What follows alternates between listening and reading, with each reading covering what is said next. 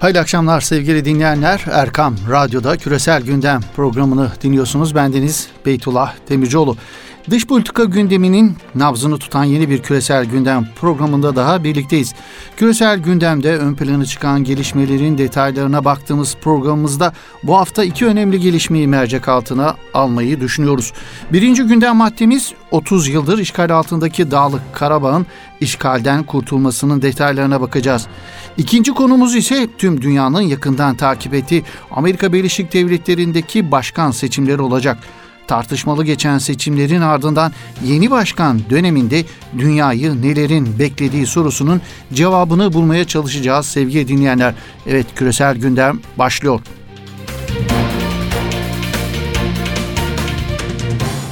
Evet sevgili dinleyenler haftanın en önemli gelişmesi hiç kuşkusuz Dağlık Karabağ'ın işgalden kurtulması oldu.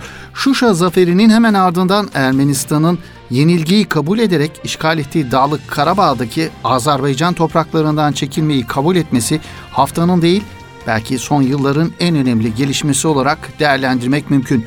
Azerbaycan'ın Dağlık Karabağ'ın kalbi olarak nitelendirilen Şuşa'yı ele geçirmesinden saatler sonra Ermenistan Devlet Başkanı Nikol Paşinyan sosyal medya hesabından yayınladığı mesajla yenilgiyi kabul ettiğini açıkladı.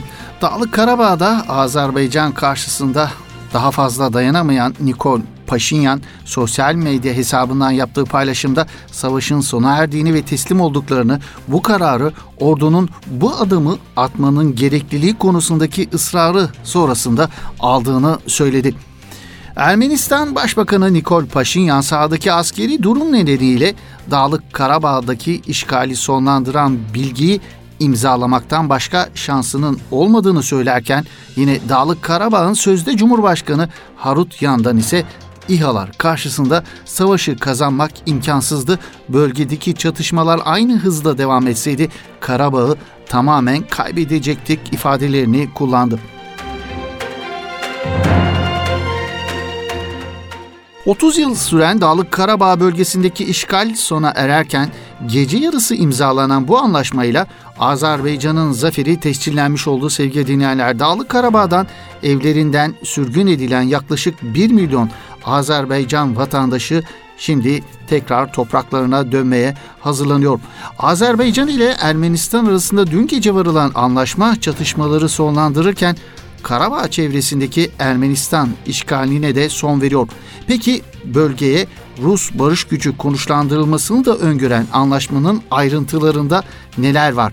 Karabağ Ankara'da asker gönderecek mi? Azerbaycan ile Ermenistan arasında Karabağ'da 6 haftadır devam eden çatışmalar tarafların dün gece geç saatlerde Rusya'nın garantörlüğünde vardığı anlaşmayla son buluyor. Anlaşma kapsamında Ermenistan Karabağ çevresinde işgal ettiği bölgelerden çekilecek. Karabağ'da ise taraflar kendi elindeki toprakları kontrol etmeye devam edecek. Bölgeye Rus barış gücü de konuşlandırılacak.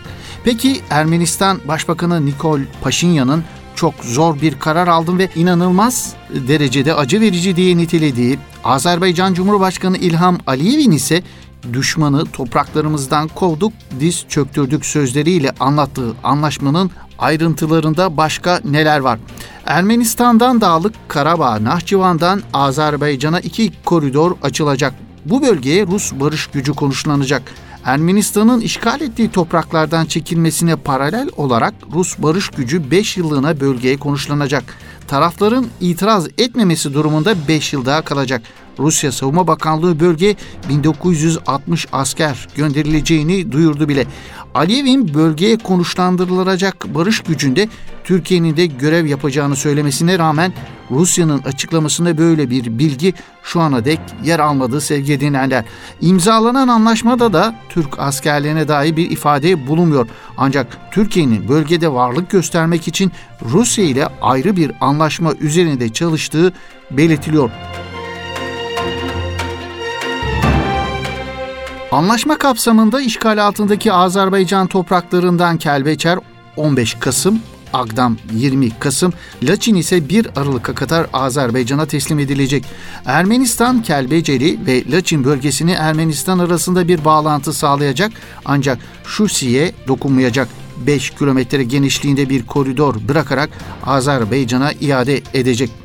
Önümüzdeki 3 yıl içinde başkent Han kentini Ermenistan'a bağlayacak olan Laçin koridoru üzerinden bu yolu kontrol edecek barış güçlerinin daha fazla konuşlandırılması için yeni bir yol inşa edilecek. Azerbaycan Cumhuriyeti insanların, araçların ve malların Laçin koridoru boyunca ikili yönlü hareketlerinin güvenliğini garanti edecek. Dağlık Karabağ ve çevresinde yerlerinden edilmiş siviller Birleşmiş Milletler Sığınmacılar Yüksek Komiserliği gözetiminde evlerine geri dönecek. Savaş esirleri ve diğer tutuklular da takas edilecek. Suriye'de bir terör devletinin kurulmasını Amerika Birleşik Devletleri ve Rusya'ya rağmen engelleyen, yine Doğu Akdeniz'de çok uluslu projeyi durduran, Libya'da da emperyalistlerin hesaplarını alt üst eden Türkiye'nin Dağlık Karabağ'ın işgalinden kurtulmasındaki payı şüphesiz çok büyük sevgili dinleyenler. Azerbaycan'ın Dağlık Karabağ'daki zaferinin yankıları sürerken eski bir Rus istihbarat albayı Analiz Igor Strevkov'un Türkiye Karabağ'da durmayacak sırada Kırım var diyor bir analizinde. Rusça yayın yapan YouTube kanalında konuşan ayrılıkçı Donetsk Halk Cumhuriyeti eski Savunma Bakanı Igor Strelkov, Azerbaycan ordusunun Dağlık Karabağ'da Ermenistan'a yönelik askeri harekatlarının başarısı Bakü'nün arkasında duran Türkiye'yi daha fazla fetihlere sevk edecektir. Ankara Rus Kırım'ı hedef alabilir açıklaması oldukça çarpıcı bir yorum olarak ön plana çıkıyor. Strelkov'a göre Türkiye'nin eylemleri Dağlık Karabağ Cumhuriyeti ve Transkafkasya sınırlarının çok ötesine geçiyor. Azerbaycan askerlerinin başarılı saldırıları Türklerin etki alanlarını diğer bölgelere doğru genişletmeleri için geniş fırsatlar sunuyor ve doğrudan Rusya için tehditler oluşturuyor değerlendirmesinde bulunuyor. Evet Azerbaycan'ın zaferinden geçiyoruz. Amerika Birleşik Devletleri'ndeki seçim gündemine sevgili dinleyenler. Amerika Birleşik Devletleri'nde seçim bitti yalnız tartışma bitmiş değil. Tüm dünyanın yakından takip ettiği Amerikan seçimlerinin resmi olmayan sonuçlarına göre Demokratların adayı Joe Biden ABD'nin yeni başkanı oldu. Her ne kadar Trump yenilgiyi kabul etmese de Beyaz Saray'daki Oval Ofis'in yeni patronu Biden olacak. Amerika tarihinin en genç senatör olduktan sonra en yaşlı başkanı olarak tarihe geçen Biden'ın asıl adı Joseph Robert No Biden. ABD'nin yeni başkanı İrlanda kökenli Katolik bir aileden geliyor. Biden'ın seçilmiş başkan olarak birçok devlet lideri tarafından kutlanırken Rusya, Çin ve Türkiye gibi ülkelerden henüz kutlama mesajı gelmemesi ABD CNN televizyonunun dikkatini çekmiş sevgili dinleyenler. CNN televizyonun Şii, Putin, Bolsonaro ve Erdoğan neden Biden'ı kutlamadı başlıklı bir analiz yayınladı.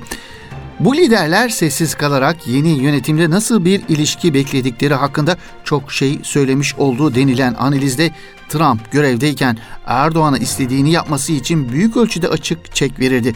Erdoğan'ın henüz seçilmiş başkan olarak tanımadığı Biden'la çok farklı olacak ifadelerini kullandı. Biden yönetimindeki dünyayı neler bekliyor sorusu dünya medyasının en çok sorguladığı sorular arasında ön plana çıkıyor sevgili dinleyenler. Gelen gideni aratacak mı yoksa öngörülemez tavırlarıyla bilinen Trump'ın ardından Biden dönemi daha sakin mi geçecek? Trump döneminde İsrail'in menfaatleri doğrultusunda şekillenen ABD dış politikasının Joe Biden döneminde nasıl şekilleneceği en çok sorgulanan konular arasında yer alan bir başka soru olarak ön plana çıkıyor. Biden döneminde dünyayı neler bekliyor sorusuna ilişkin yapılan değerlendirmelerde altı en çok çizilen husus Biden'ın mesaisinin büyük bir kısmını ülke içi sorunların çözümüne ayırmak zorunda kalacağı ve uzun yıllara dayanan dış politika tecrübesine rağmen Biden'ın bir dış politika başkanı olmayacağı yönünde bir kanaat hakim sevgili dinlerler. Biden'ın bir dış politika başkanı olmayacağı yönünde bir kanaat dillendirenler arasında yer alan Antalya Bilim Üniversitesi Siyaset Bilimi ve Uluslararası İlişkiler Bölümü öğretim üyesi Profesör Doktor Tarık Ozlu, Joe Biden'ın muhtemel tarzı siyasetine ilişkin şu değerlendirmelerde bulunuyor. Biden, Çin ve Rusya'ya karşı takip edilen politikaları büyük ihtimalle sürdürecek. Çünkü hem halk nezdinde hem yerleşmiş güvenlik elitinde hem de kongre üyeleri arasında bu konuda partiler üstü bir duruş var. Seçim kampanyası sırasında Biden'ın Çin'e karşı şahinlik noktasında Trump ile yarıştığı unutulmamalı değerlendirmesinde bulunuyor Tarık Ozlu. Biden'ın Rusya ve Çin'i insan hakları ihlalleri üzerinden daha fazla sıkıştırılacağını öngörebiliriz diyen Oğuz, Trump'ın değer ve ideallerden uzak, salt menfaat ilişkileri üzerinden kurguladığı dış politika çizgisine Biden'ın getireceği önemli yenilik olacak diyor. Çin yönetiminin Uygur Türklerine karşı uyguladığı baskıcı politikaları Biden daha fazla gündeme taşıyacak. Trump'ın aşırı milliyetçi ve izolasyoncu politikalarının Çin ve Rusya'ya açtığı hareket alanını Biden müttefikler arası ilişkileri güçlendirip insan haklarını daha fazla merkeze alan bir dış politika üzerinden daraltmaya çalışacak değerlendirmesinde bulunuyor. Profesör Doktor Tarık Oğuzlu eğer Biden ezici bir seçim zaferi kazanmış olsaydı Çin ve Rusya'ya karşı daha şahin bir politika izleyebilirdi. Ama içeride biriken devasa sorunların çözümü ki en başta ekonomik durgunluk ve Covid-19 geliyor Biden'ın enerjisini büyük oranda tüketecek gibi duruyor görüşünde. Biden'ın yöneteceği ABD'nin birçok ülke üzerinde tarafını seç yönünde baskı oluşturması söz konusu olabilir diyor yazar. Trump'ın ulus inşasından kaçınan ve çoğunlukla askeri ve ekonomik güç enstrümanları üzerinden yürüttüğü dış politika yerini diplomatik araçların daha fazla kullanıldığı ama kimliksel vurguların daha görünür olduğu uygulamalara bırakabilir değerlendirmesinde bulunuyor Profesör Doktor Tarık Oğuzlu. Doçent Doktor Abdurrahman Babacan ise Biden'ın bir taraftan Trump döneminin enkazına vurgu yaparken stratejik ana hattı tıpkı seleflerinin yolunda giden Trump'a benzer bir izlek sürdüreceğini öngörmek çok zor değil diyor.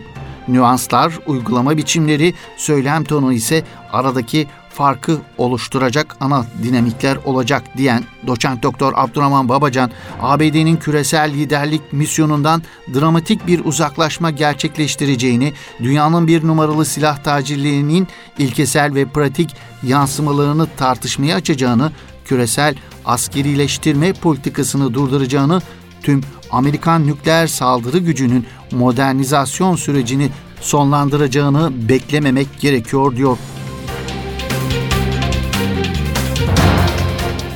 Biden'ın Orta Doğu politikasına ilişkin beklentiler ne yönde peki? Biden döneminde ABD'nin Orta Doğu politikasında radikal değişiklikler olacak mı?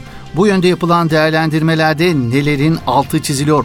Arap medyasına yansıyan analizlerde Biden dönemiyle ilişkin beklentilerin ne yönde olduğuna bakalım isterseniz biraz da. Tüm dünyada olduğu gibi Arap medyası da Amerika Birleşik Devletleri'ndeki başkanlık seçimlerini yakından takip etti. Trump'ın zaferini oynayan Körfez medyasının seçimleri Biden'ın kazanması ile birlikte büyük bir hayal kırıklığına uğradıklarını söylememiz gerekiyor öncelikle. Arap sosyal medyasında aktivistler ise Joe Biden'ın Donald Trump'a karşı zaferini duyurduktan sonra Abu Dhabi Veliaht Prensi Muhammed Bin Zayed, Suudi Arabistan Veliaht Prensi Muhammed Bin Selman, Mısır rejiminin başı Abdülfettah El-Sisi ve Benjamin Netanyahu'yu Trump'ın yetimleri olarak nitelendirilmesi oldukça dikkat çekiciydi. Mısırlı muhalif siyasetçi Eymen Nur Twitter hesabından yaptığı paylaşımda Trump'ın öksüzleri olarak nitelendirdiği kişileri bir hayli zor günler bekliyor uyarısında bulunarak paylaştığı sosyal medya hesabından. Suriyeli sanatçı Yahya Hava ise sosyal medya paylaşımından Trump'ın yetimleri Birleşik Emirlikleri'nin haber kanalı El Arabiye'de taziyeleri kabul ediyor ifadelerini kullandı. Bir başka aktivist Trump'ın şer eksenini boşamasının ardından şer eksenini sağma işini Biden'ın üstleneceği paylaşımında bulundu. Evet Trump'ın kaybetmesi sebebiyle Arap sosyal medyasındaki bu alaycı paylaşımların ardından Orta Doğu'nun matbu medyasındaki analizlere geçelim isterseniz. Orta Doğu medyasından Evan Medya Net haber sitesinden Muhammed Salih umursamaz gözükse de Biden'ın kazanmasından mutlu olan ülkelerin başında İran'ın geldiğini söylüyor.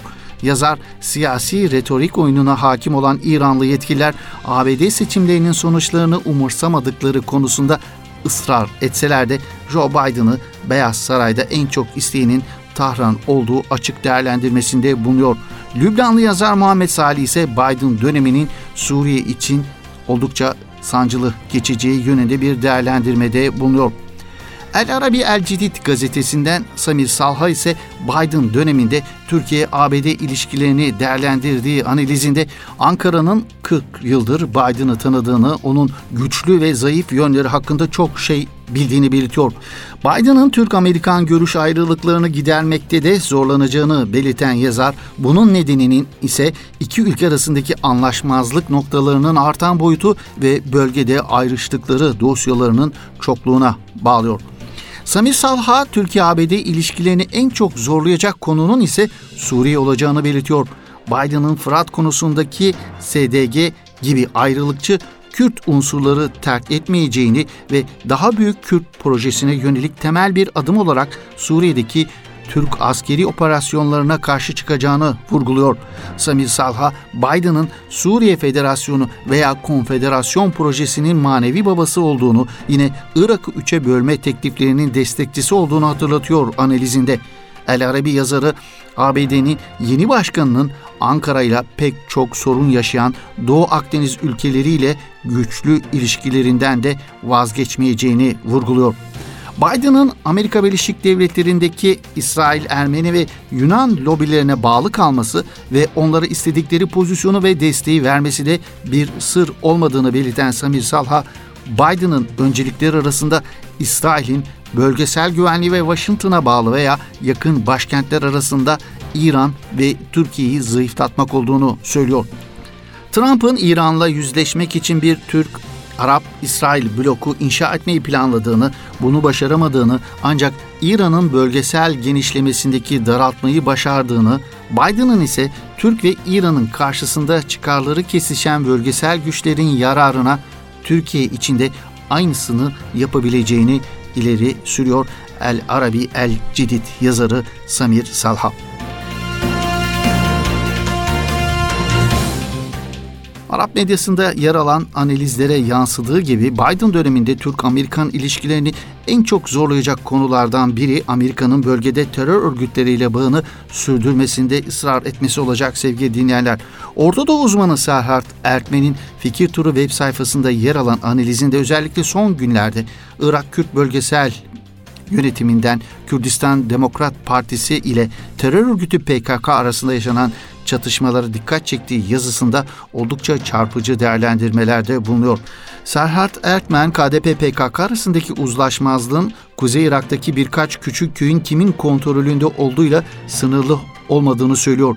Suriye ve Irak'ın kuzeyinde öylesine büyük bir süreç hayata geçirildi ki sadece anılan bölgelerde değil, Türkiye'yi de içine alan birçok yerde taşları yerinden ciddi ölçüde oynatabilecek bir sürecin yaşanabileceğini vurguluyor Serhat Ertmen.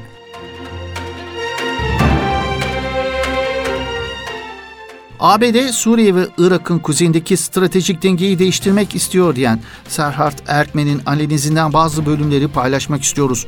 ABD, Suriye ve Irak'ın kuzeyindeki stratejik dengeyi değiştirmek istiyor. Bunu Suriye'nin kuzeyinde kendisine bağlı bir federal veya özerk yönetim kurarak Irak'ın kuzeyinde ise bağımsızlığın tekrar gündeme gelmesini sağlayıp uzun vadede Irak Kürdistan bölge yönetiminin Irak'tan ayrılmasını sağlayarak yapma niyetinde. Böylece Orta Doğu'da yepyeni bir denge kurulabilecek. Peki neden? Çünkü Irak'ta İran'a, Suriye'de ise Rusya'ya karşı ciddi mevzi kaybetti Amerika Birleşik Devletleri. Körfez'deki müttefikleri istikrarsız. İsrail'de siyasal belirsizlik ve yenilenen seçimler neredeyse bir kurala dönüştü. Arap Baharı ile elde ettiği Orta Doğu'da yeniden düzen kurucu aktör olma şansını hızla yitiriyor. Bu nedenle bölgede çok ciddi bir değişim sürecini tetikliyor. Bu gerileme süreci içinde elinde kalan en önemli kozlardan biri de yeni bir mücadele sürecini başlatmak.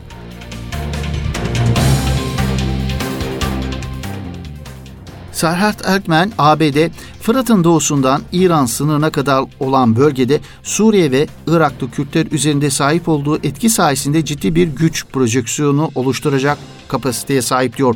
Ancak bu konuda karşısında iki önemli engelin de olduğunu vurguluyor. Bunlardan ilki bölge devletlerinin sınırlarını tehlikeye sokacak gelişmeler karşısında birbirleriyle işbirliği yaparak ortak tehdidi birlikte savuşturmaya çalışması. ABD'nin önündeki ikinci engel ise Türkiye'nin Irak ve Suriye'de PKK'nın varlığını koruduğu hiçbir çözüme izin vermeyeceğini defalarca ve çok net bir biçimde göstermesi diyor. Bu çerçevede ABD'nin 2019 yılı sonlarından itibaren Irak ve Suriye'de PKK'nın dünyaca tanınan eski yüzlerini tasfiye ederek Kürtler arası bir birleşme sürecinin önünü açmaya çalıştığını vurguluyor. Erkmen yaşanmakta olan sürecin amacının Kuzey Irak'ta PKK'yı devre dışı bırakarak ve Suriye'de PKK 2.0'ı ihdas etmek yani görünüşte PKK'sız bir PYD oluşturup bunu legal ve meşru bir aktöre dönüştürmek olduğunu söylüyor. Ancak sorunun da burada başladığını belirtiyor Ertmen. Çünkü 40 yıldan uzun bir süredir dünyanın her türlü gizli servisi ve örgütüyle işbirliği tecrübesi geliştiren PKK'nın eski kadrolarının ve bu kadroların kontrol ettiği binlerce militanın hiçbir yere gitmeye niyeti yok diyor. Bu bağlamda örgüt Irak, Suriye ve Türkiye'yi içine alan bir çatışma dönemini tetiklemeye çalışıyor. Bu nedenle PKK'nın Suriye'den Türkiye'ye tekrar canlı bomba sevkiyatı yaptığını, örgütün şehirlerde örgütlenen küçük hücrelerinin yoğun bir sabotaj kampanyası başlattığını, güvenlik güçlerimize veya sivil hedeflere saldırılarını artırdığını, KDP ile sürtüşmelerin suikast ve küçük çaplı çatışmalara dönüştüğünü görüyoruz, diyor Serhat Erkmen.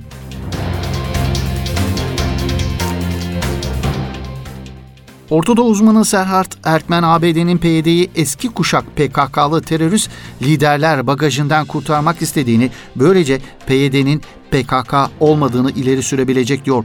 Üstelik bu söylemin uluslararası kamuoyunda ciddi bir alıcısı olduğunu da vurguluyor. İşte bu süreçte PKK bu süreci durdurabilmek için elinden geleni yapacak diyor.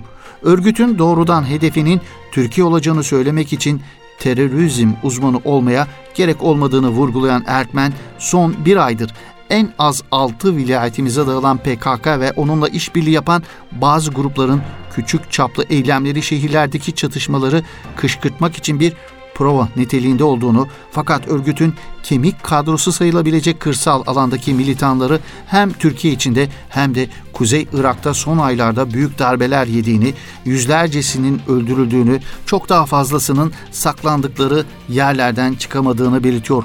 Bu nedenle muhtemelen kısa bir süre içinde en iyi bildiği şeylerden birisi olan şehir merkezlerine yönelik terör saldırıları gerçekleştirebileceğini ileri sürüyor Serhat Ekmen. Tam da bu süreçte PYD'nin ABD ile iyi ilişkiler geliştiren kadrosunu baskı altına almaya çalışacak diyen Erkmen yani muhtemelen ister Türkiye ister bir başka yerde örgütün gerçekleştireceği saldırılar Suriye kökenli PKK'lılar ya da Suriye üzerinden gelerek elimi gerçekleştirenler tarafından yapılacak iddiasında bulunuyor. Serhat Erkmen PYD'nin PKK'nın Suriye'deki kolu olduğuna hiç şüphe yok diyor. Ancak kendilerine yeni bir siyasi gelecek öngören görece genç ve Suriyeli kadronun Kandil'deki amirlerine karşı gelmesi teorik olarak imkansız değil diyor. Üstelik yeni Amerikan yönetimiyle ilişkisinin geleceği de muhtemelen bu süreci nasıl yöneteceğine bağlı yine de her şey planlamakla olmuyor vurgusunu yapıyor. Bu arada sevgili dinleyenler ABD'deki başkanlık seçimlerinin ardından Körfez ülkelerinin Türkiye karşıtı politikalarında değişikliğe gidilebileceği yönünde bazı sinyaller gelmeye devam ediyor. Hemen her fırsatta Türkiye karşıtı çıkışlarıyla bilinen Birleşik Arap Emirlikleri'nden Dışişlerinden sorumlu Devlet Bakanı Enver Gargaş'ın son açıklamaları bu anlamda oldukça dikkat çekici. Abu Dhabi merkezli The National gazetesinin haberine göre Gargaş, Birleşik Arap Emirlikleri'nin Türkiye ve İran'ın dış politikasına katılmadığını ancak iki ülke ile de karşı karşıya gelmek istemediklerini belirtmesi oldukça manidar. Birleşik Arap Emirlikleri yönetimi ki son yıllarda ABD Başkanı Donald Trump'ın verdiği destekle bölgesel dengeleri gözetmeksizin izlediği dış politikasıyla oldukça tepki topluyordu tüm Orta Doğu halkları nezdinde. Amerika Birleşik Devletleri'ndeki seçimleri kazanan Joe Biden, Trump yönetiminin aksine Birleşik Arap Emirlikleri ve Suudi Arabistan'a karşı daha dengeli ve mesafeli politikaları tercih edeceği yönünde bir beklenti var. Gargaş'ın bu açıklamalarının ardından Türkiye'nin kırmızı bültenle aradığı ve Birleşik Arap Emirlikleri'nin Orta Doğu'daki kirli işlerinin taşeronu olarak bilinen Mahmut Dahlan'dan da gelen bir açıklama yine oldukça manidar. Dahlan'ın sosyal medya hesabından yaptığı açıklamada Türk Dışişleri Bakanı Mevlüt Çavuşoğlu'nun son açıklamaları Türkiye'nin dış politikasının daha gerçekçi bir çizgiye gelmeye başladığını gösteriyor tarzında bir ifade kullandı. Dahlan Çavuşoğlu'nun hangi ifadelerini kastettiğini ise açıklamadığı sosyal medya hesabından yaptığı bu paylaşımda. Öte yandan Suudi Arabistan Kralı Selman'ın İzmir'de gerçekleşen depremin ardından depremzedeler için yardımda bulunmak kararı da kimi değerlendirmelerde Amerika Birleşik Devletleri'ndeki seçim sonuçlarıyla ilişkilendirilerek okunduğu sevgili dinleyenler. Amerika Birleşik Devletleri'ndeki başkanlık seçiminin Orta Doğu'daki yansımalarını değerlendirdiğimiz bu son bölümümüzle bugünkü Küresel Gündem programımızın böylelikle sonuna gelmiş bulunuyoruz sevgili dinleyenler. Yeni bir Küresel Gündem programında buluşmak ümidiyle. Hoşçakalın, iyi akşamlar efendim.